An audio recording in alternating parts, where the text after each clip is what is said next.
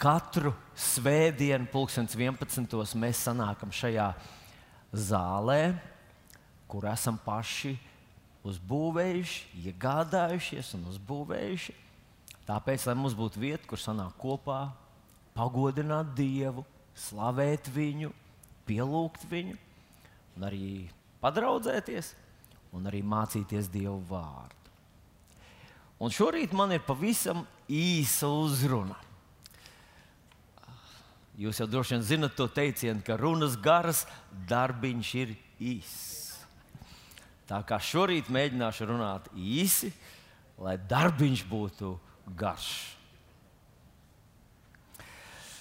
Trīs raksturvietām, ar kurām gribu uzrunāt jūs šajā rītā, un pirmā būs Jēkabā vēstule, pirmā nodaļa, un lasīšu no 16. panta. Tātad apelsīns Jēkabs, pirmā nodaļa 16. pāns. Nemaldieties, mani mīļie brāļi. Katrs labs devums un katra pilnīga dāvana nav, nāk no augšas, no gaismas tēva, pie kura nav ne pārmaiņas, ne pārgrozības ēnas. No brīvas gribas viņš mūs ir dzemdinājis ar patiesības vārdu lai mēs būtu viņa radījumu pirmie. Vispirms, nav vietas pārpratumam. La, katra laba dāvana un pilnīga dāvana, labs devums un pilnīga dāvana nāk no gaismas tēva. Un pie viņa nav nekādu pārmaiņu. Dievs nav Dievs, kas vakar sita, šodien dziedina. Viņš ir labs Dievs, un no viņa nāk katra laba, uh, labs devums un pilnīga dāvana. Ar šo šī raksturvietiņa ļoti konkrēti saka tas, ka mums ir mūsu valsts, ir dieva dāvana, bet ļoti svarīgi to arī saprast. Protams, ja Dievs mums nebūtu devis to, mēs to nevarētu paņemt. Vakar pie mums bija viens no mūsu mazdēliem, un viņš lielīgi saka, ka ir izēdis putras uh, bļodu. Nu, nebija liela bļodiņa, tāda bļodiņa, bet viņš izēda putru. Nu, tā bija pielikšanās, nebija tik viegli nemaz to izdarīt bet viņš nebūtu varējis to bludiņu varonīgi izēst, ja viņam tā nebūtu omas pasniegta. Un tieši tāpat mēs varam priecāties un pateikties Dievam par patiešām varonīgiem, stipriem cilvēkiem. Mēs nenoliedzam viņu nozīmi. Jo patiešām Dievs ir daudzām tautām devis savu brīdi un savu žēlastības iespēju to vidū nav bijis cilvēku, kas uzņemtos. Es nerunāju par kādu konkrētu tautu, bet principā Bībele ļoti skaidri mums atklāja, ka Dievs daudz vairāk mums ir devis, daudz, daudz vairāk mums ir devis, nekā mēs esam uzdrīkstējušies pārkāpt savam baiļu slieksnim.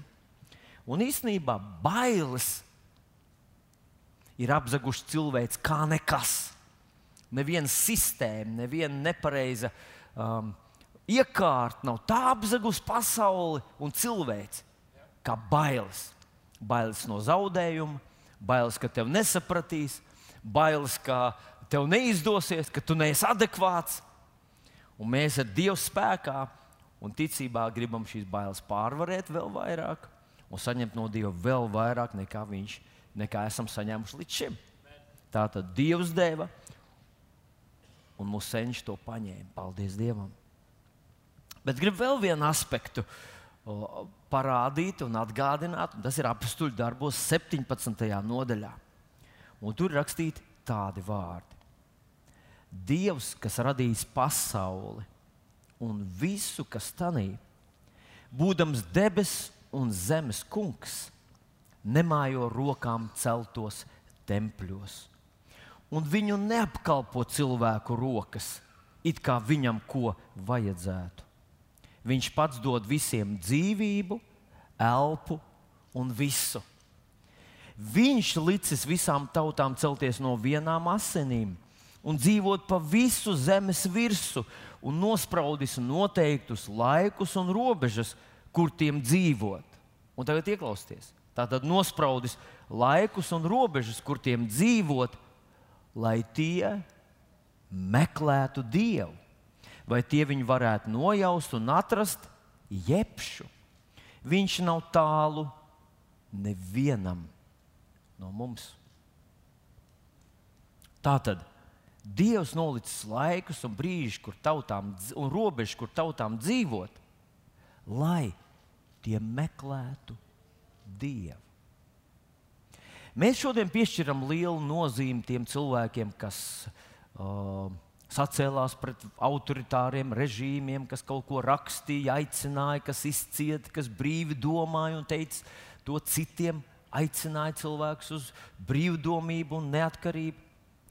Bet saskaņā ar, rakst, ar šo rakstu vietiņu, tas, kas deva šo milzīgo tādu nu, spēku, šīs brīvības alkas, un drosmu, un nesamierināšanos un uzdrīkstēšanos, bija tas, ka mūsu zeme, vai precīzāk būtu teikt, mūsu tauta, tik masveidā atbildēja uz evaņģēliju. Dievs nolicis laikus un robežas, kur tautām dzīvot, lai tās meklētu Dievu. Es neesmu vēsturnieks, un, protams, nevaru piesaukt kaut kādus konkrētus piemērus, lai gan tādus esmu dzirdējis un lasījis par tiem. Šobrīd tie ir pagājuši no manas atmiņas. Bet bija tāds vēsturisks pētījums par tautām, kas ir masveidā pozitīvi atbildējuši dievu, uz Dieva evaņģēlīju, un nākošie gadu desmit un pat gadu simti ir izvērtušies šo tautu vēsturē kā ļoti pozitīvi, celsmīgi un droši. Un es gribu šodien apgalvot, ka, ja toreiz nebūtu tā brāļa draugu kustība, ja mēs būtu palikuši pie elkiem un pagānismu, par kuru viens ļoti autoritārs profesors teica, ka tādas sistēmas īstas Latvijā, dievu tur sistēmas nekad nav pastāvējis. Viens no profesoriem, kur es Latvijas universitātē ļoti labi pazinu, un kur lekcijas bija tik ļoti aizraujošas un kompetentas, profesors Leons Gabriels Taivāns teica, ka Brāztiņš to pats atcerējis savā prātā, kā rakstnieks visas tās dievestības un tos tur kaut kādas atsauces, protams, ir bijušas, bet viņš radīja to sistēmu pats ilgi pēc tam, kad, kad uh, mums bija sava valsts. Tātad, ja mēs būtu palikuši pie tā uh, meža mātes un, un pērkona tēva un, un vēl vairāk nekā 300 visām sieviešu kādas dievestībām vien, kas it kā esot tajā latviešu pagānismā, iespējams, ka mēs būtu bez valsts. Iespējams, mūsu ierakstīta sarkanā grāmatā mums būtu īpaši pasākumi Eiropas Savienībā, Briseles mājā, kad mēs sanāktu kopā un nodziedātu ar savu īpašo latviešu akcentu kādu dziesmu. Mēs būtu aizsargājami tautas sarkanā grāmatā. Ja mēs nebūtu, ja nebūtu cilvēki, kas drosmīgi un pašaizliedzīgi būtu atsaukušies Dieva evaņģēliem par Jēzu Kristu, kas izmainīja mūsu vēsturi. Un nu pēdējā rakstvietiņa. Tā ir Mateja evaņģēlijas 14. nodaļa. Un lasīšu šeit no 28. panta, bet divos teikumos ieskicēšu, kas tur notiek pirms tam. Jēzus ir līdzi saviem mācekļiem doties pāri Genecerets ezeram, vai Genecerets jūrai. Tas ezers ir tiešām ļoti liels. Es vairs neatceros to salīdzinājumus, bet viņš bija nu, ja re, reizes desmit lielāks nekā mūsu Baltazars. Tepat pierīgā jūs visi viņu zinat. Un, kad viņš pavēlēja saviem mācekļiem doties uz to otru pusi, tad viņi paklausīja viņam un devās, un tajā ezerā izcēlās vētra. Un vētra tāda, ka tā vietā, lai viņi divu stundu laikā pārceltos pāri šim ezeram, Viņi airēja jau 8 līdz pat 9 stundas un ir tikuši tikai līdz ezera vidum. Smagi strādā. Bet viņi nepadodas, jo Jēzus viņam teica, dodieties uz viņu krastu, uz, uz, to, uz to vietu, kuru aizmirst. Man liekas, tā bija Betsaida, kur viņš teica, lai viņi dodas. Nu, lūk, un tagad no rīta gaiļos, tas kā tikko svīdusi pirmā gaismiņa šie mācekļi ierauga Jēzu pa šiem negantajiem viļņiem staigājam un nākam pie viņiem. Un viņi to ieraudzīja, viņi notur viņu par spoku un sāk bailēs brēkt. Jo jūs zināt, kā vislabāk aizbaidīt spoku? Brēkt! bailēs brēkt. Un Jēzus ne, viena lieta, ko Jēzus nevarēja ciest, nekad viņš nevarēja ciest bailes un brēkšanu. Viņam patika dziesmas, uzvaras dziesma, prieka saucieni, bet viņam nepatīk bailes un brēkšana. Viņš saka, viņš saka viņiem, klusu, mierā, es tas esmu, nebīstaties. Un tad es lasu tālāk, kas tur notiek tālāk. 28. pāns. Un Pēters viņam atbildēja un sacīja: Kungs, ja tu tas esi, tā tas ir mūsu revidētajā tekstā, tad liec man nākt pie tevis pa ūdens virsmu. Un viņš sacīja, tātad Jēzus sacīja, trīs burtus: Nāc!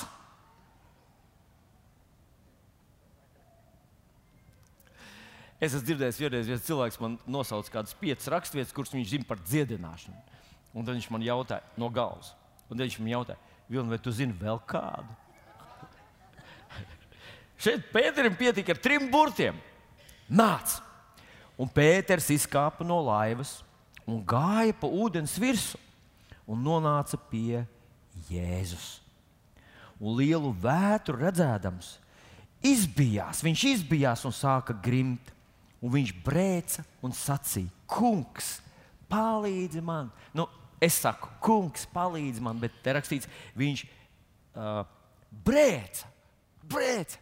Es negribu jūs apdulināt ar savu brēkšanu, bet, ja es slīgtu, un turpat blakus būtu Jēzus, es arī kliegtu, brēktu, pie kam tur ir vējš un viļņi, un tur ir vētra īstenībā.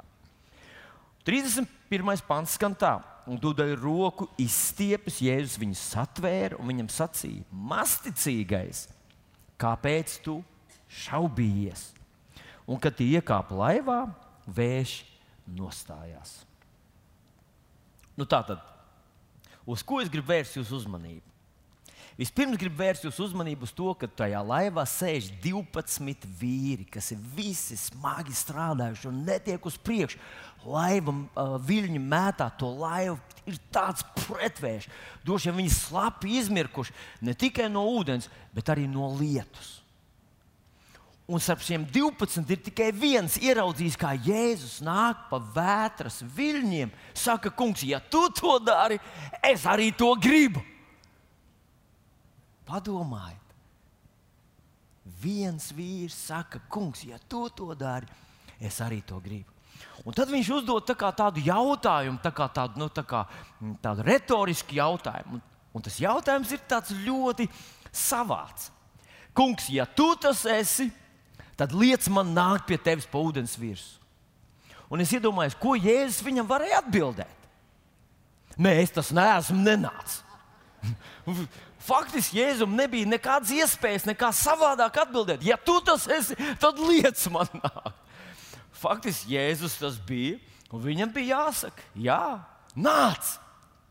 Un tagad paklausieties, kas tur rakstīts tālāk. Viņš ir vienīgais cilvēks visas cilvēces vēsturē, izņemot Jēzu, protams, kurš iet pa ūdens virsmu. Te tā skaidri un gaiši uzrakstīts.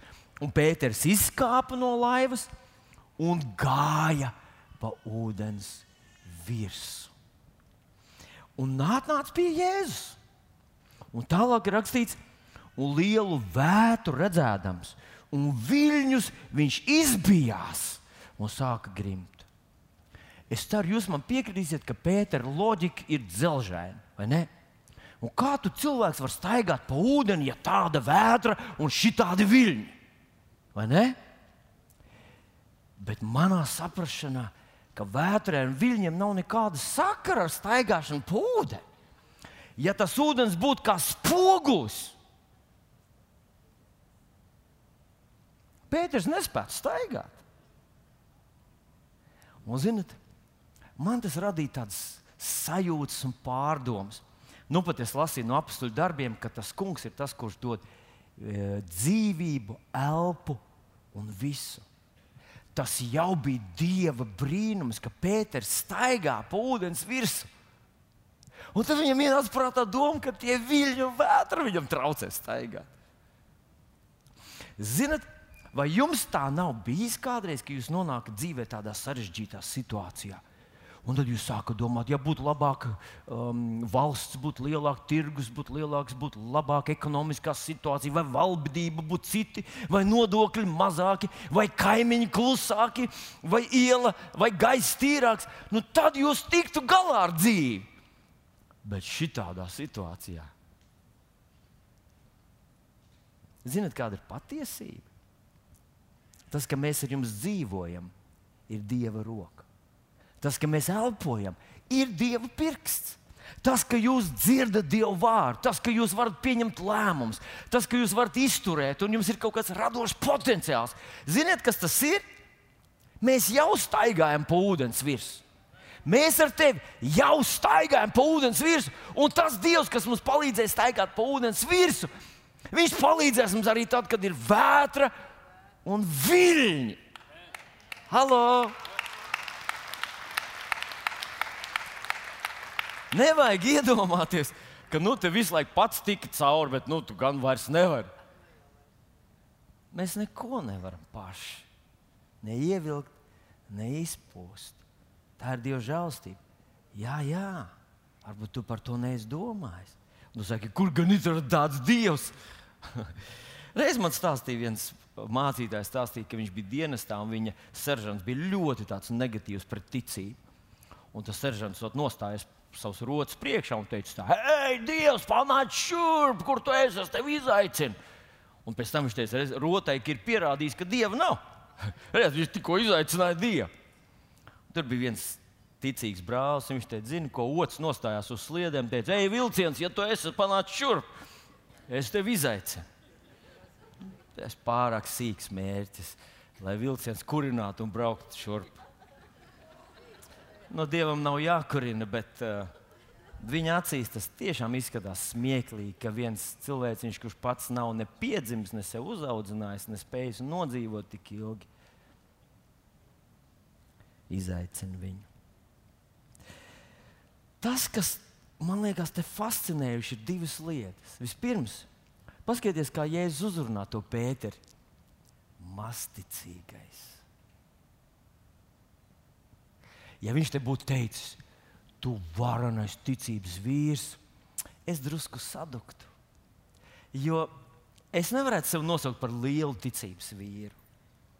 Bet, kad viņš saka, ka masticīgais, un tas masticīgais Pēters gāja pa ūdeni.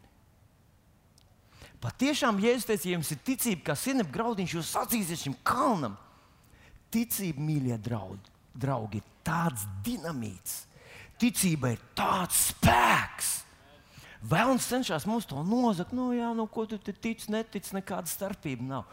Uh, uh, ja tu sāc lietot to savu mazo ticības sēklu, uh, tas maina apstākļus. Varbūt uzreiz mēs to nevaram saskatīt, tās likuma sakarības, bet Jēzus tam mierīgi saka, māsticīgais. Un ievērot, ka Jēzum nebija jāskrien pie Pētera. Iespējams, ka Pēters nogāja to gabalu no vienas skatuves gala līdz otram. Un pienāk tur pie Jēzus. Nu, Jēzum tikai vajadzēja izstiept roku. Un ziniet, kāda man pārliecība, kā tas bija? Ka tikko Pēters izkāpa ārā no laivas, viņš bija koncentrējies uz Jēzu. Viņš, viņš teica, nāc, viņš izkāpa ārā. Un viņš skatās uz Jēzu. Jēzus, Jēzus, tikai tavā spēkā es to varu. Es zinu, tu teici, lai es nāku, es paļaujos uz tevi. Un viņš iet. Un tad viņam sāk likties, upā! Jā, es sapratu, kā tas jādara. Vienkārši tā visa pēda jāliek uzreiz. Līdz šim es kaut kā liku papēdu un grimu, bet nu es eju pa ūdens virsmu un aleluja! Un viņš iet pie Jēzus jau labu gabalu, un tad viņš apskatās uz tiem puišiem, kas tur laivā. Šitā to vajag darīt. Ziniet, man tas asociējās ar cilvēku dzīvi, ir grūti brīži. Un tad viņš piesauc to, ko viņš saka, Dievs, tu man palīdzi. Es zinu, tu man izvedīsi, es zinu, tavs spēks, es zinu, tava mīlestība ir uzticama. Un zinot ko? Viņš pēkšņi sāk neslīgt, viņš paceļās virs ūdens. Un viņš kādu gabalu iet, un tad viņa dzīvē viss paliek labi.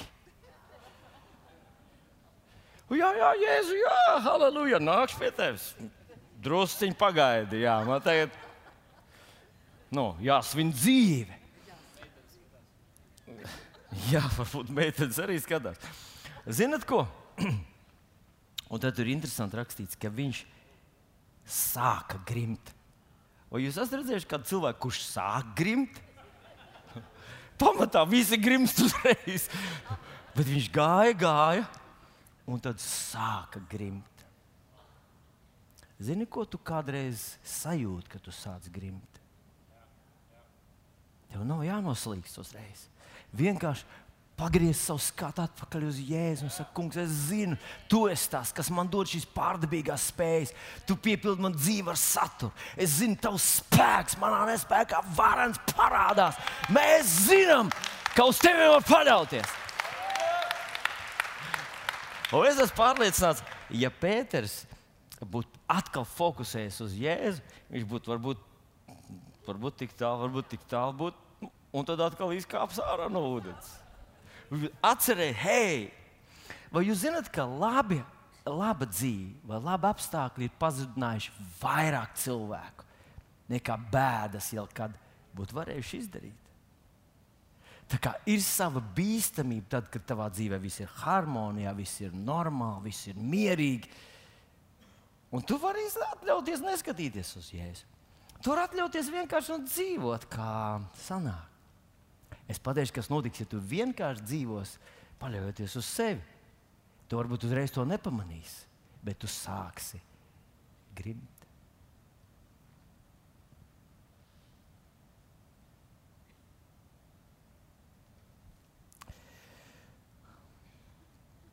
Man patīk, ka Jēzus viņam saka, kādēļ tu šaubies? Ne jau viņa ticība, tā mazā ticība pietika, lai viņš staigātu pa ūdens virsmu, bet šaubas. Ticība, mēs zinām, nāk no Dieva vārda, vai ne? Romiešiem 10, 17, jo ticība nāk no sludināšanas, sludināšana no Dieva vārda. Tas, ko jūs šodien, tas, ko šodien cenšos mm, jūs sirdī un dvēselīties atstāt, ir ticība Dievam. No kurienes nāk šaubas? No kurienes? No informācijas, kas mums ir loģiski un saprotami un intelektuāli apskaidro, ka pa ūdeni staigāt nevar. Pētera gadījumā tie bija vētra un viļņi. Un viņš aizdomājās, nu, skaidrs, ka tādā vētrā pa viļņiem staigāt nav iespējams. Jā, bet uh, nu, mēs jau runājam par to, ka mierīgā laikā to katrs dara. Un viņš sacīja, kungs, palīdzi man. Jēzus viņu nelā, nerāja, nelādēja. Neteica, nu, ja tev pat nav jēgas no tāda mācekļa, kur pat nevar nu, uz 15 minūtēm nevar nu, nu, palikt fokusā. Viņš tā neteica. Viņš viņu saķēra, pieturēja. Un tas ir tas, ar ko mēs varam rēķināties vienmēr. Ka tad, kad mēs viņu piesauksim, viņš mums būs klāts un mūs izglābs.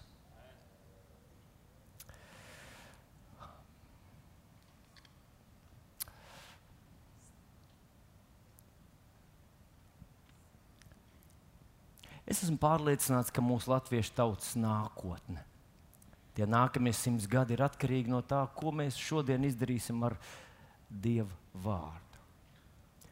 Mums ir vairāk pravietojumi izteikti mūsu tautai un zemei par to, ka šis ir tāds īpašs laiks. Īpašs laiks, kad Dievs ir pievērsis savu skatu Latvijai un arī Eiropai. Un šodien tas, kā mēs atbildēsim uz evaņģēlīju vēstu, uz Dieva mīlestību, uz Dieva glābšanu, noteiks to, kāda būs nākamie simts gadi. Ne Krievijas klātbūtne, ne Amerikas prezidents, ne Eiropas Savienības Briseles lēmumi nespēs to noteikt. Tie ir tie vētra un viļņi. Tas ir tas pretvējs, tie ir tie apstākļi. Bet atcerieties, Pētera gadījumā arī ne jau tie apstākļi viņam traucēja iet līdz galam. Tas bija tieši tas, ka viņi novērsās no Kunga Jēzus Kristus.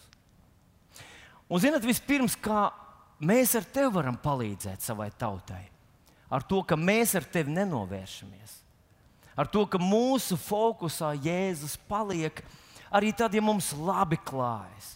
Arī tad, ja ekonomika ceļās, arī tad, ja mēs varam atļauties šo un to, ko mūsu tēvi nav varējuši atļauties. Nekļūsim nodarbināti m, tikai ar ekonomiku, tikai ar naudas pelnīšanu. Atcerieties, psalmos ir tāda raksturvietiņa, ja tas kungs pilsētu nesargā, tad vēl te sargs nomodā. Ja, ja tas kungs sargā pilsētu, tad būs arī sargs uz mūriem. Un zinot, kas ir paradoks, ka tad, kad tautā ir patiesa dieva meklēšana, patiesa dieva ilgas pēc dieva, tad armija kļūst stipra, ekonomika ceļās, robežas ir drošas un, un kultūra attīstās. Un, ja mēs gribam, lai mums būtu bagātīga, dziļa, gudra kultūra, ja mēs gribam, būtu gudri rakstnieki, lai mums būtu talantīgi dziedātāji, un, un lai šī būtu tiešām radoša, spilgta cilvēku zeme, tad mums ir jāmeklē Dievs. Mums ar tevi, kā pirmajiem, kā priesteriem, ja mēs stāvam Dievu priekšā par savu zemi un stāvam nevis ar izmisumu, nevis ar bailēm un apātiju, bet ar ticību. Tu mazticīgais! Mums nav jābūt nemaz uh, ticības varoņiem, lai mēs stāvētu un, un saņemtu svētību savai zemē, lai zeme iet pa ūdeņiem. Mums vienkārši ir jātic viņam. Un jāapklusina tās balss, kas mums saka, viss ir slikti, mums neizdosies, mēs esam šitādi un tādi verga dvēseles, korumpēti un pie silas līdēji. Un mums ir tāds teiciens, tautā izplatīts ar tādu sarkasmu, simts gudrās galvas. Bet tu zini, ja tevi ievēlēs starp tām simts gudrajām galvām, visi vēl aizvien tāpat teiks, pie silas līdē, simts gudrās galvas. Un tu darīsi to no visas sirds. Tu tiešām gribi savai zemē labu, bet ja visa tauta netic tev, ir šausmīgi grūti pārvarēt tādu skepticismu, nihilismu un neticību. Un tāpēc labākais, ko mēs varam darīt, ir uzticēties tiem cilvēkiem, kas tur ir. Neaprunāt viņus, nekritizēt viņus. Protams, tāda konstruktīva kritika vienmēr palīdz. Bet tā ir konstruktīva kritika.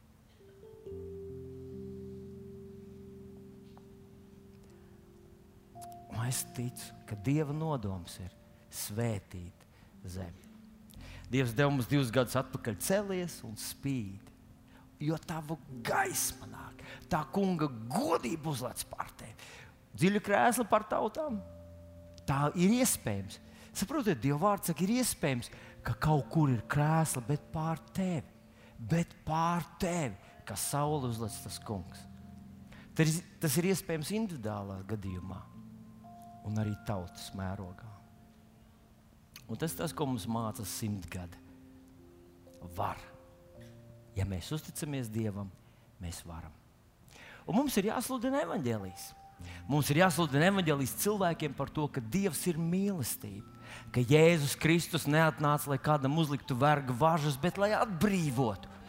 Īstenībā kristietība ir brīvība darīt pareizi. Nevis verdzība darīt pareizi, bet brīvība. Tikai tas ir kaut kur, tas ir kādreiz nav nemaz tik viegli saprotams. Mums liekas, ka Dievs no mums paģēra sliktas, paģēra labas lietas. Bet īstenībā Viņš mūs atbrīvo, lai mēs darītu labas lietas. Jā.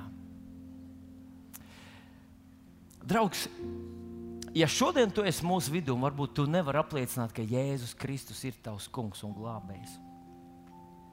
Tu vari šodien izdarīt divas lietas. Pirmā lieta, tu, vari izdarīt labu sev. Jo cilvēka dzīve ir ļoti īsa. Pēc tam viņš būs vai nu debesīs, vai nebūs debesīs. Mēs visi zinām, kur viņš būs, ja nebūs debesīs. Ja tu pieņem Jēzu Kristu par savu kungu un glābēju, par savu grēku salīdzinātāju un izpircēju, tad viņš ieraksta tavu vārdu dzīves grāmatā. Un turpmāk, tu lasot viņu vārdu, var atklāt, kādas bagātības tu esi iemantojis, pieņemot Jēzu par savu kungu. Un otrkārt, katrs mūsu zemes iedzīvotājs, un es negribu runāt tikai par latviešiem, tas ir šodien mūsu realitātē. Mēs esam daudz tautas, un tas nav īsti bez dieva ziņas šeit. Bet katrs cilvēks, kurš šodien pieņem Jēzu par savu kungu, viņš kļūst par tādu mazu svecīti, kas izgaismo to tumsu, kas viņam ir apkārt. Viņš kļūst par zāli savā, savā vidē, savā uh, vidē, kur viņš dzīvo, un viņš kļūst par veselīgas un svētīgas nākotnes nesēju. Un mūsu tautā, katreiz, kad mēs sludinām evaņģēlīju, mēs palīdzam savai tautai dzīvot un attīstīties nākamajos gados. Ja šodien mūsu vidū ir kāds tāds cilvēks, kurš šodien gribētu pieņemt Jēzu Kristu par tavu kungu un pestītāju, Pāvils apstul, uh, Romiešu vēstulē, desmitajā nodaļā saka, ja tu ar sirdi tici un ar muti apliecini, tu tiks izglābts. Jo ar sirds ticību panākam taisnību un ar mutes liecību pestīšanu. Tad ar sirdi tic, ka Jēzus uh, ir augšām cēlies no miroņiem un ar muti apliecina Jēzu par savu kungu. Tas ir veids, kā mēs saņemam glābšanu. Bet tas ir tikai pirmais solīts Dieva ģimenē. Vēlāk tu iepazīsties brāļiem, māsām, uzzini, ka tavs tēvs ir bagāts, pasakaini, pārpakas, pārpasakaini, labs un bagāts. Un ka viņš tev ir dāvinājis tik daudz. Tas ir daļa no mantojuma, to nedrīkst palaist garām. Kļūt par Jēzus mācekli. Tas ir nākošais solis un tavas labākās dienas no tā brīža ir tev priekšā. Aleluja! Mēs izdarīsim tā, mēs visi piecelsimies kājās tagad. Lūdzu, uh, neizsteidzieties prom kristieši, jo mēs nobeigsim šo dievkalpojumu ar kopēju lūgšanu, un tā būs mūsu valsts himna. Mēs izdarīsim to ar patiesām tādām dievbijā, pateicībā, sirdīm dievam. Bet pirms tam, ja tu Es gribu palīdzēt tiem, kas vēl nevar teikt, ka Jēzus ir tavs kungs.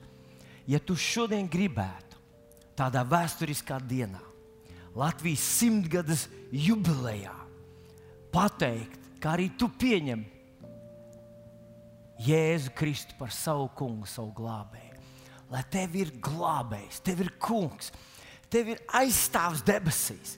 Ja tu to gribi izdarīt, es nelikšu tev pacelt rokas, un tev nebūs pat jāiznāk šeit priekšā bet tev, es teikšu priekšā lūkšanas vārdus, un tu līdz ar mani atkārtos. Tur, kur tu esi zālē, tur tu esi savā vietiņā. Bet es gribu tevi piekodināt, mīļais draugs, ka varbūt, ka, ja tu to neizdarīsi šodien, tur tajā pusītē, tur būs tāds plakātiņš, aprunāsimies, tur kāds no mūsu kalpotājiem būs. Tev noteikti vajadzētu pie viņa pienākt un pateikt, ka tu to esi izdarījis. Mēs tev gribam uzdāvināt bukletiņu un, un tādu grāmatiņu, lai tu saprotu, Kas ir noticis? Ko tu esi izdarījis? Kā rīkoties tālāk? Lūdzu, bez tā neaiziet. Pat ja tu to neizdari šajā svētdienā, izdari to nākamajā. Bet lūdzu, pienāc un atļauj mums kaut kā uzzināt par tevi. Un mēs gribētu sazināties ar tevi un palīdzēt tev tavā ticības ceļā, kas šodien tikai sāksies. Tātad, ja kāds ir tāds šajā rītā mūsu vidū, kas grib pieņemt Jēzu par savu kungu, tu to vari izdarīt. Mēs pateiksim to lūgšanu visi. Lūdzu, palīdziet man, atbalstīsim tos cilvēkus. Bet izrunā to ar savu muti, lai tas izskan, lai tavu vārdi aiziet uz debesīm, lai viņi ir reāli. Teiksim tā, Dievs, paldies Tev par simts gadiem. Paldies Tev par manu tautu un manu zemi. Es pateicos Tev. Es pateicos par Tavu mīlestību. Un es pateicos, ka tu uzrunā mani. Šodien es apliecinu, ka es ticu, ka Jēzus ir Mēsija, kas salīdzināja tautas grēkus, nomira manā vietā un trešajā dienā augšām cēlās, lai mani taisnotu. Un šodien ar savu muti apliecinu, ka Jēzus Mesija, Jēzus Kristus ir mans kungs. Es atdodu tev savu dzīvi, savu dvēseli. Atklājies man, māci man, vādi man. Es paļaujos uz tevi. Jēzu Kristu. Es paļaujos uz tevi un pateicos par glābšanu. Amen. Es aizlūgšu par tevi. Tur, kur tu esi zāle, vienkārši paliec klusi kādu mirkli. Tēvs, es pateicos par katru cilvēku, kas šajā zālē šodien izteica savus šos vārdus ar ticību un patiesu sirdi. Es pateicos, ka tu pieskaries šajā rītā. Es pateicos, ka tu apzīmogo savus bērnus, un viņi nekad vairs nebūs vecie. Es pateicos, ka viņu vārdi ir ierakstīti dzīves grāmatā, un ka tu mācīsi, vadīsi, atgādinās par sevi, apliecinās sevi un palīdzēs viņiem tevi atrast. Paldies, Tev, Tēvs, Jēzus vārdā. Aleluja! Amen! Un tagad mēs visi pacelsim savus rokas uz debesīm. Aleluja! Mēs šodien Tev pateicamies par Latviju. Pateicamies par simtgadi. Un mēs skatāmies nākotnē ar ticību, ka Tu kā biji ar mums, tā būs. Mēs pateicamies, ka Latvija tiešām ir pērle šajā Eiropas kronī, ka mēs varam spīdēt mīlestību, drosmi, radošumu, dievbijību. Mēs varam spīdēt dievbijību, brāļu mīlestību, tautu sadraudzību, cieņu vienam pret otru, radošumu, spēku, kas nāk no debesīm. Ka mūsu bērni ir stipri, mūsu ģimenes vesels, mūsu valdība ir pašaizliedzīga, mūsu ministri ir gudri, mūsu kultūra ir dziļa, mūsu dziesmas ir svaidītas, mūsu robežas drošas. Un mūsu misija ir nozīmīga. Mēs tev pateicamies par to. Latvijas nākotnē, Jēzus vārdā.